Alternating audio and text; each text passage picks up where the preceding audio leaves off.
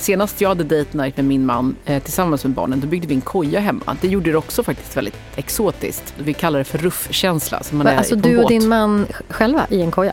Ja, tillsammans med barnen. Jag hade alltså, barnen med.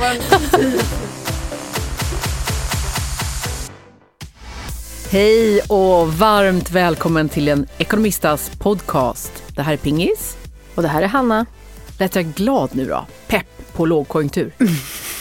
Ja, jag är så glad som man kan låta kanske. Okay. Jag tycker det. Ja, Vad bra. Det är en bra start. Vad bra. Eh, ja, hej, jag heter Pingis. Jag är grundare av Ekonomista. Och Hanna, säg något kort om dig då, för de som inte har lyssnat på tidigare avsnitt kanske. Mm. Jag jobbar på en bank som heter Nordax Bank och där är jag marknadschef. Eh, men framförallt så är jag väldigt intresserad av hur eh, pengar och ekonomi påverkar oss i människor i relation till andra, vår egen självbild och ja, hur vi lever. Det känns ju som att just nu och senaste tiden så har ekonomi aldrig varit så här hett. Och nu menar jag ju motsatsen då, för att det är ju en lågkonjunktur och lågkonjunktur det nya normala som egentligen mycket vi ska prata om idag. Eh, men jag tycker att det gör ju ämnet så otroligt aktuellt. Att nu kan man helt plötsligt eh, våga och börja prata om ekonomi med i princip alla. Hur känner du? Ja, det har nog aldrig varit så tillåtet att eh, verkligen eh, öppet ventilera med andra hur man ser på eh, sin ekonomi, vad som är rimligt i lån eh, eller utlägg eller köp eller vad man nu tänker sig så, så går det, det går verkligen att ventilera och prata med andra om det och se hur de tycker och mm. tänker på ett sätt som det aldrig har gått att göra förut. De har fått lita på sin egen magkänsla. Temat idag ska ju handla om eh, lågkonjunktur. Mm. Och jag trodde ju knappt att man skulle behöva använda det ordet igen. Det kändes som att världens riksbanker hade sån koll på liksom, vad prisutvecklingen var på väg och vi hade sån fantastisk produktivitet av världshandeln och allt det här som håller oss till en väldigt normal prisökningstakt som eh, då inflation. Men helt plötsligt så har det här kastats omkull. Mm. Och eh, matpriserna har ju ökat ungefär 20 procent på ett år. Prata inte om det. Nej. Nej men det är fruktansvärt. Det är min man brukar alltid när han har varit och handlat komma och ställa ner kassarna i golvet ganska tydligt och markerat att nu har han handlat igen. Och det handlar kanske inte jättemycket om pengarna utan att det var mer eh, tidskrävande och han var mm. tvungen att göra och tänka till och vara kreativ i butiken och sådär. Men också att han brukar säga att oh, det går ju inte att gå in på en affär utan att komma ut 300 kronor fattigare eller någonting. Sa han för några år sedan. Men nu säger han, det går ju inte att gå in i en affär och komma ut eh, utan att ha gjort av med 600 spänn. För det är så mycket mer det kostar idag att gå och eh, frukosthandla. Jo men om man tittar på det, alltså det går ju att köpa ett eh, paket smör för 70 kronor. Mm. Idag var det någon som sa att de köpt eh, ett kålhuvud för 70 kronor. Och det är, eh, grönsaker har blivit väldigt mycket dyrare. Och mejeriprodukter har blivit väldigt mycket dyrare. I snitt så har ju alltså priserna på mat ökat över 20% på ett år. Alltså, Ja, jag har själv aldrig upplevt det tidigare. Det man ska äta eh, som har gått ner i pris, eh, det är inte så sunt, det är vinerbröd. Mm. Eh, det har blivit billigare i och för sig trevligt. Jag tar mm. det. Jag kör, mm. Det, det, det, är okej okay för mig. Det är normala. men men eh, jag som då får vara lite nörd här nu, jag ska ändå bara eh, försöka upplysa alla om vad det här med lågkonjunktur är. Eh, vissa säger lågkonje och allt, allt möjligt, eller recession eller recession på engelska. Det handlar ju faktiskt om att ekonomin backar under minst sex månader i sträck. Då har vi en lågkonjunktur. Och för svensk del så började den backa under eh, årets sista tre månader, 2022. Ja, men för det första så skulle jag nog ändå vilja säga, för jag är ju inte lika förvånad som du, att man behöver konstatera att vi befinner oss i en lågkonjunktur. För det har jag eh, väntat på sen den förra typ. Eh, jag är ju eh, en sån som alltid tänker att saker kommer gå åt skogen typ. Men, mm. men, men jag, inte, jag kan känna att när, när covid och allt det där började och mm, ja, och det var de här stödpaketen och det var fabriker som stängde och länder som stängde igen. Och så, så var det ändå liksom jättekonstigt att det inte hände mer just då kände jag. Här borde ju allting bara havererat. Det gjorde det ju uppenbarligen inte då. Men inte så överraskad att det eh, kom liksom en, efter, en eftersläng på det där. Eh, det som kanske gör mig mest förvånad nu egentligen är nog att det är så pass få Även om vi pratar om pengar, mm. för det gör vi mer, så upplever jag ändå att det fortfarande är ganska få som på riktigt tar det här på allvar. Jag tycker ändå att det, det är fullbokat på restaurangerna. Jag kollade efter hotell för sommaren. Det är fullbokat på varenda hotell som jag tittade på. Barer verkar gå strålande. Resebranschen hörde jag eh, har eh, bästa tiderna ever. Nej, det kanske inte var, men det gick jättebra i alla fall var det någon som var ute och sa i Aftonbladet. Vad kan ha varit? Och, och det här får inte jag ihop riktigt. Hur är det möjligt? När vi pratar om det vi konstaterar att allt är dyrt, vi kommer inte ha råd. Vart är räntorna på väg? Det finns ju en oro, men än så länge inte någon jättetydlig förändring, tycker jag. Det kan ju till viss del också vara lite av en eftersläpning för att jag tänker att också alla restauranger, som du är inne på, även hotell, mm. de måste ju höja sina priser i och med att de flesta av dem driver någon form av liksom matverksamhet och där priserna har ökat så pass mycket. Mm. Men sen finns ju en annan effekt och det är ju att man i tuffare tider, då försöker man ju unna sig mer vardagslyx. Man, mm. kanske, man pratar ibland om det som läppstiftsindex, lipstickindex. Att man köper kanske ett läppstift men man köper inte ett nytt kylskåp. Mm. Och det kan ju vara en, en del av det att eh, man har det så pass tufft så att istället kanske man går ut på krogen en gång i veckan men man reser inte.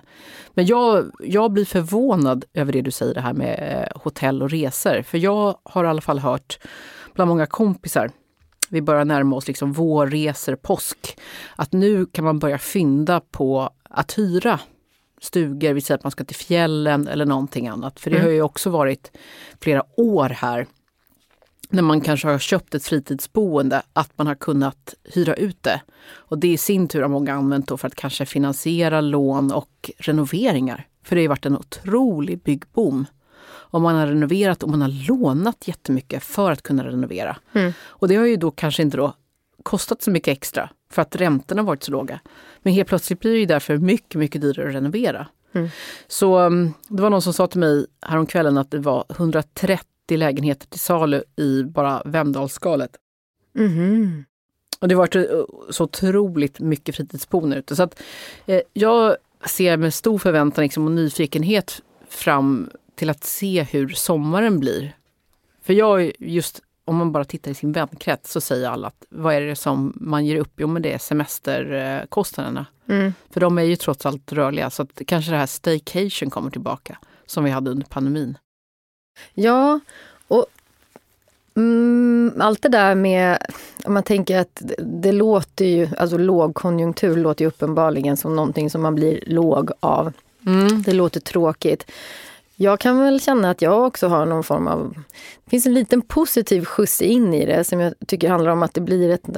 Man kommer tillbaka till ett normalläge som inte är så forcerat och mm. hysteriskt och stressat och där man förväntas vara så ja, leva så vidlyftigt och stort och allt måste bli mer och alla måste ha större och allt ska växa.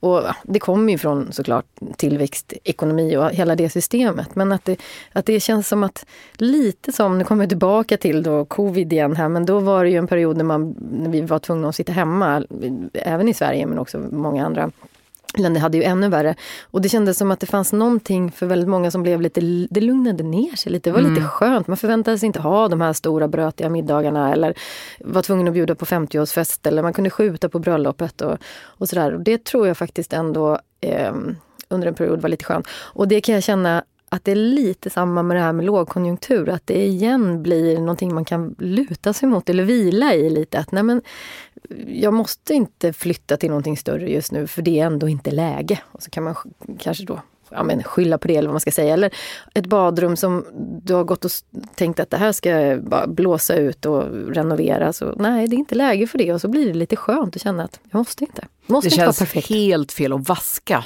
Så att, tänk på det nu. Jag har hällt upp ett mineralvatten till dig där. Det, det ska drickas upp. Ja, det ska drickas upp. Ja. Häll inte ut det. Nej. Men det tycker jag också är jättefint. Att det, är liksom, det är helt ute och vaska. Det ska man varken göra eller prata om. Men det gör ju också att man blir mer hållbar. Och mm. det tycker jag är härligt. Att man också kan, som jag kan känna, att man har känt sig lite nördig ibland när man ska fråga vänner om man får byta, köpa begagnat och så vidare. Nu känns det som det nya normala. Ja, Det är snyggt att fråga om det nu. Det är mm. tjusigt, mm. det ska man göra. Och, och, ja, men, och samma sak det där med att eh, ja, men jag tror att vi alla egentligen mår bra av att få kontroll på saker. Och jag menar när man har om man har det lite bättre ställt så finns det en risk att man också släpper på den här kontrollen. Och du har en massa streamingtjänster som du nästan har glömt av att du har. Och du okynnesåker eh, taxi fast med någon känsla av dåligt samvete kanske. Eller du, eh, ja, som sagt, äter en lunch ute. Eh, Vaska gymkort pratar du ja, om precis, också. Ja, men något sånt där. Och allt ja. det där tror jag ändå, det, någonstans, även om du har även om du har råd med det, så tror jag det skapar en känsla av dålig kontroll och eh, det blir en oro i sig ändå. Mm. Jag, jag, har, jag har inte riktigt koll på läget. Och det kan dyka upp någon överraskande faktura från sidan som, som du hade glömt och sådär. Så att jag tror att det här blir ett tillfälle att verkligen ta kontroll, eh, stänga ner grejer som du inte använder, sluta eh, med saker som du någonstans har med dig är onödigt eller som du säger, vaska grejer och sådär. Men vi gör inte det längre. Ja, för det jag upplever är ju att visst, nu kan man se så här. Nu har Riksbanken börjat höja räntorna för att liksom kyla av ekonomin. För att liksom få bukt på den här otroligt snabba prisutvecklingen, alltså inflationen. Men trots det, vi bara säger då att som du var inne på, matkassen, eh, spontan shoppa frukost, eh, känns som att man lägger 300 och nu 600 kronor för att gå in och, och handla lite mat. Även om inflationen minskar, vi har ju kommit upp på helt nya höga nivåer på väldigt mycket saker. Det är väldigt få saker som har minskat i pris. Men jag tänker liksom lite vad, vad blir det här nya normala? För att jag upplevde att när det här började, när räntorna började höjas, så upplevde jag väldigt mycket att alla tänkte det här går snabbt. Det är snabbt över. Men nu kommer vi in i att många som kanske ändå hade bundna lån ett år och inte påverkades av de här ränteökningarna. För att till exempel 80 procent ungefär av alla svenskar har rörliga eller nästintill rörliga. Man kanske alltså då har bundna lån i ett, två år. Du nämnde för mig att sju av tio ungefär ska lägga om sina lån i år. Ja, det närmaste året. Det är en siffra som jag fick någon annanstans ja. ifrån. Men då var det sju av tio som, som under det här året och kommande året kommer vara tvungna att lägga om sina lån. Och det är ju, ja, det, det blir för många kanske en ganska stor förändring i privatekonomin.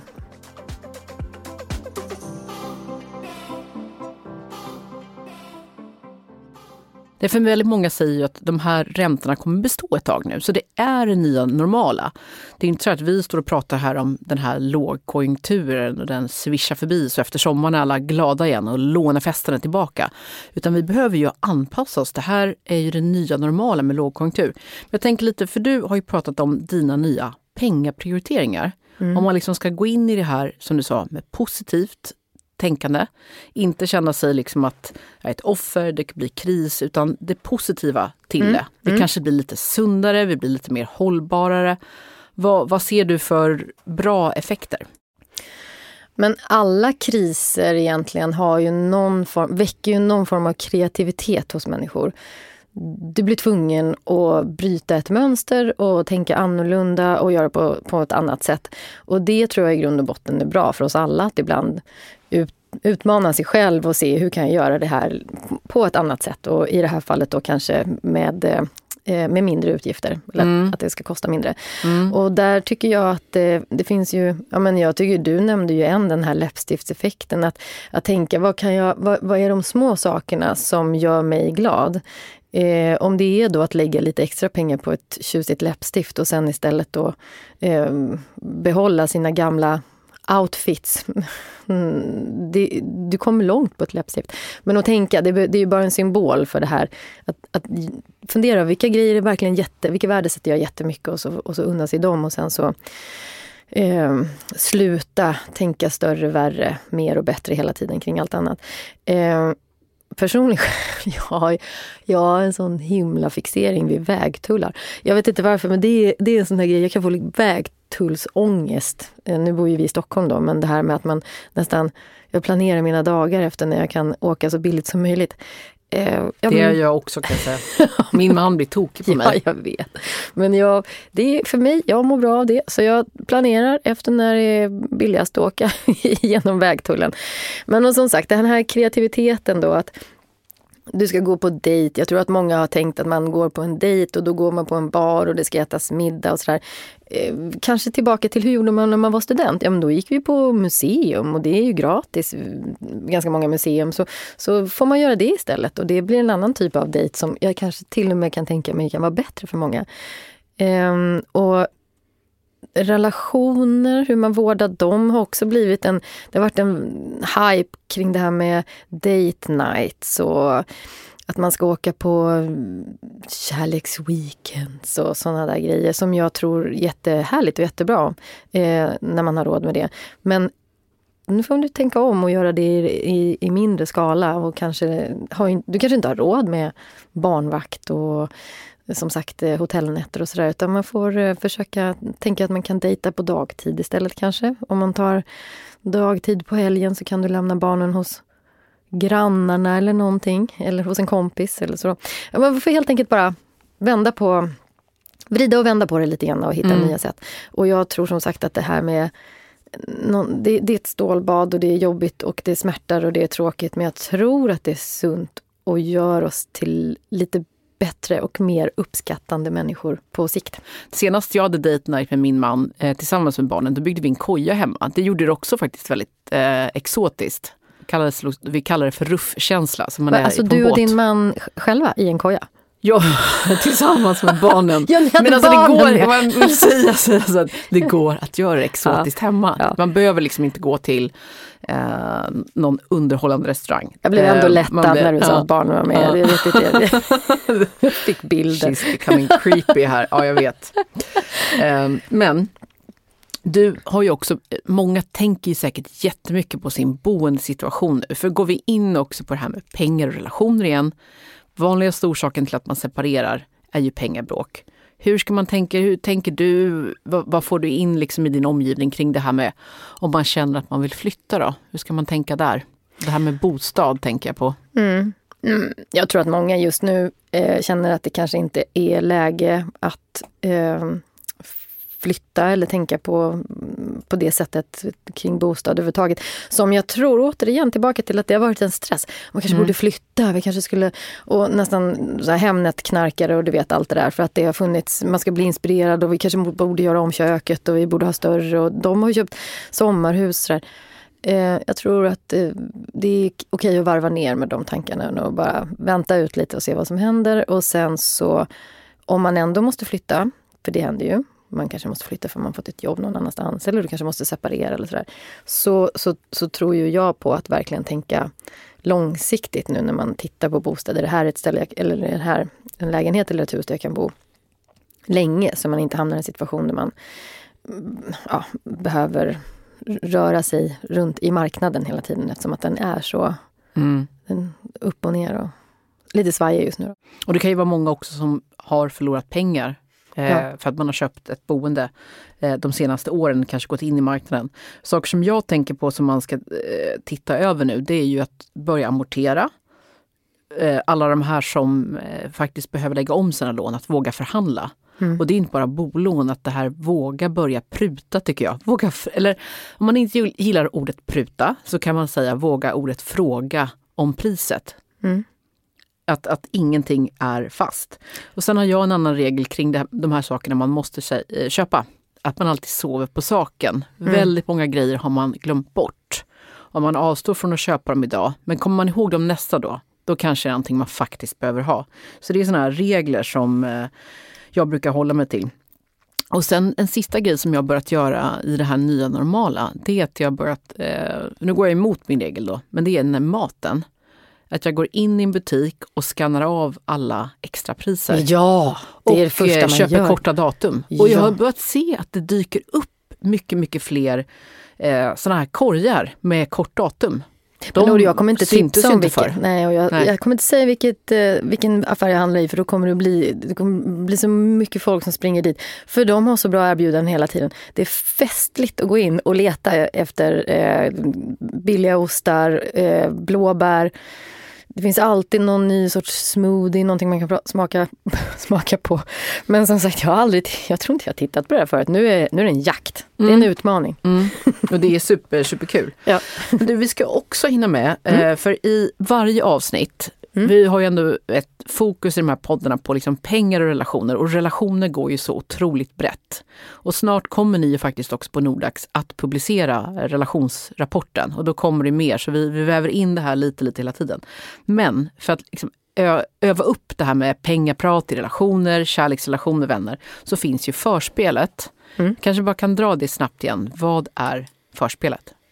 Det är 66 frågor som eh, ja, jag rekommenderar alla par som eh, har någon form av delad eller gemensam ekonomi att eh, ställa. Frågorna ska man ställa till varandra och spelet finns på eh, Nordax Instagram. Ehm, och, för det är bra. Det är tankeväckande och eh, väcker bra eh, diskussioner. Mm.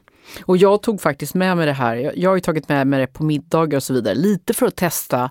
Har de flesta börjat ställa om nu. Hur mm. lätt har man att prata om ekonomi och relationer? Jag tycker det är jätteintressant. Så jag försöker ha med mig, för det är en kortlek, om man får tag i den fysiskt så kan man ju faktiskt ta med den överallt och dra ett kort och se hur lätt eh, är det att prata ekonomi med den här personen. Det tycker jag är jättespännande.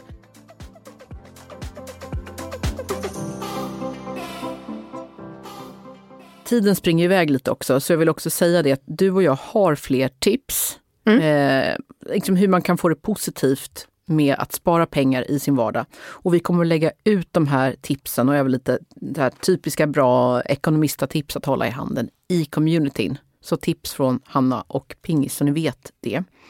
Men du, eh, kan inte du ställa en fråga till mig om förspelet? Du får välja. Ja, jag, mm. jag, jag, jag, tar ett kort helt mm. enkelt. Då ska vi se. Det här då. Har du och din man samsyn kring vad saker får kosta inom parentes, parmesan, hotellnätter, nya handdukar och så vidare. Alltså jag berättade för dig förra gången att absolut inte när det gäller take away kaffe. Nej, för den, den blev nästan pin, eller alltså den, den, blev ju en, eh, kan man kalla, ja, en eh, fråga som jag, jag frågade dig om det. Ja. I och med att min man tycker nog att en kaffe, jag ska inte säga att den får kosta vad den vill, men där eh, blev ju jag lite stand-offish ja. och refuserade honom en kaffe för att jag tyckte att 50 kronor i en pappmugg, det är för mycket. Mm. Så det är nog det enda vi inte har samsyn kring. Eh, men i övrigt så är det nästan komiskt. Alltså jag kan ju verkligen dra eh, på mungiporna, alltså se glad ut när min man kommer hem. Han har handlat och så har han då köpt kött och jag är vegetarian. Och då har han betalat det här köttbiten själv. Mm. För att det ska vara så jämlikt. Och då tycker jag man har ganska högt upp på penganördsskalan. Eh, jag har värre. Men det passar. Jag okay. ett, eh, inte personligt exempel, för mm. det här är faktiskt inte jag och min man. Men jag känner en som lever i en relation där de ändå har utvärderat möjligheten att betala procentuellt för hur mycket man, hur stora portioner man äter. Ja, men den har jag sett och det har varit en fråga i communityn också. Ja. Eh, framförallt eh, kvinnor som lever med en man som tränar jättemycket. Ja. Den här mannen som äter liksom sex gånger om dagen, eh, jag vet inte, äter jättemycket, kanske då dyrt protein. Och det tycker jag är så fint att man tar upp den frågan, för det är klart att det blir pengar i slutändan. Alltså det är i alla fall bättre att ta upp det än att mm. sitta och irritera sig vid var, varje måltid mm. och, och, räkna liksom lassen som någon lassar i sig. Liksom. Mm. mm. Men som, som vi har löst i alla fall är att på de här sakerna där vi inte har samsyn, där betalar man det yep. separat. Så, så. Och Frågan till dig då, nu drar jag ett kort här. Mm. Vem av dig och din man har störst veto när det kommer till pengar? Är det någon som får ta det slutgiltiga beslutet alltså om ni inte har samma åsikt? Här är det så himla tråkigt faktiskt att behöva konstatera att vi är ganska, ja, om man kan säga det då, om det känns lite klyschigt. Eh, min man är mycket coolare med stora pengar när det gäller hur stort ett lån kan, ska, ska få vara eller hur mycket Alltså du menar kan, stora ekonomiska beslut? Stora liksom. ekonomiska mm. beslut mm. eller renoveringar eller bil eller sådana grejer. Då är, då är nog, eh, så vet jag inte om han har störst, nej han har nog inte störst veto. Han är nog bara lite mera, han, han, han är lite modigare där.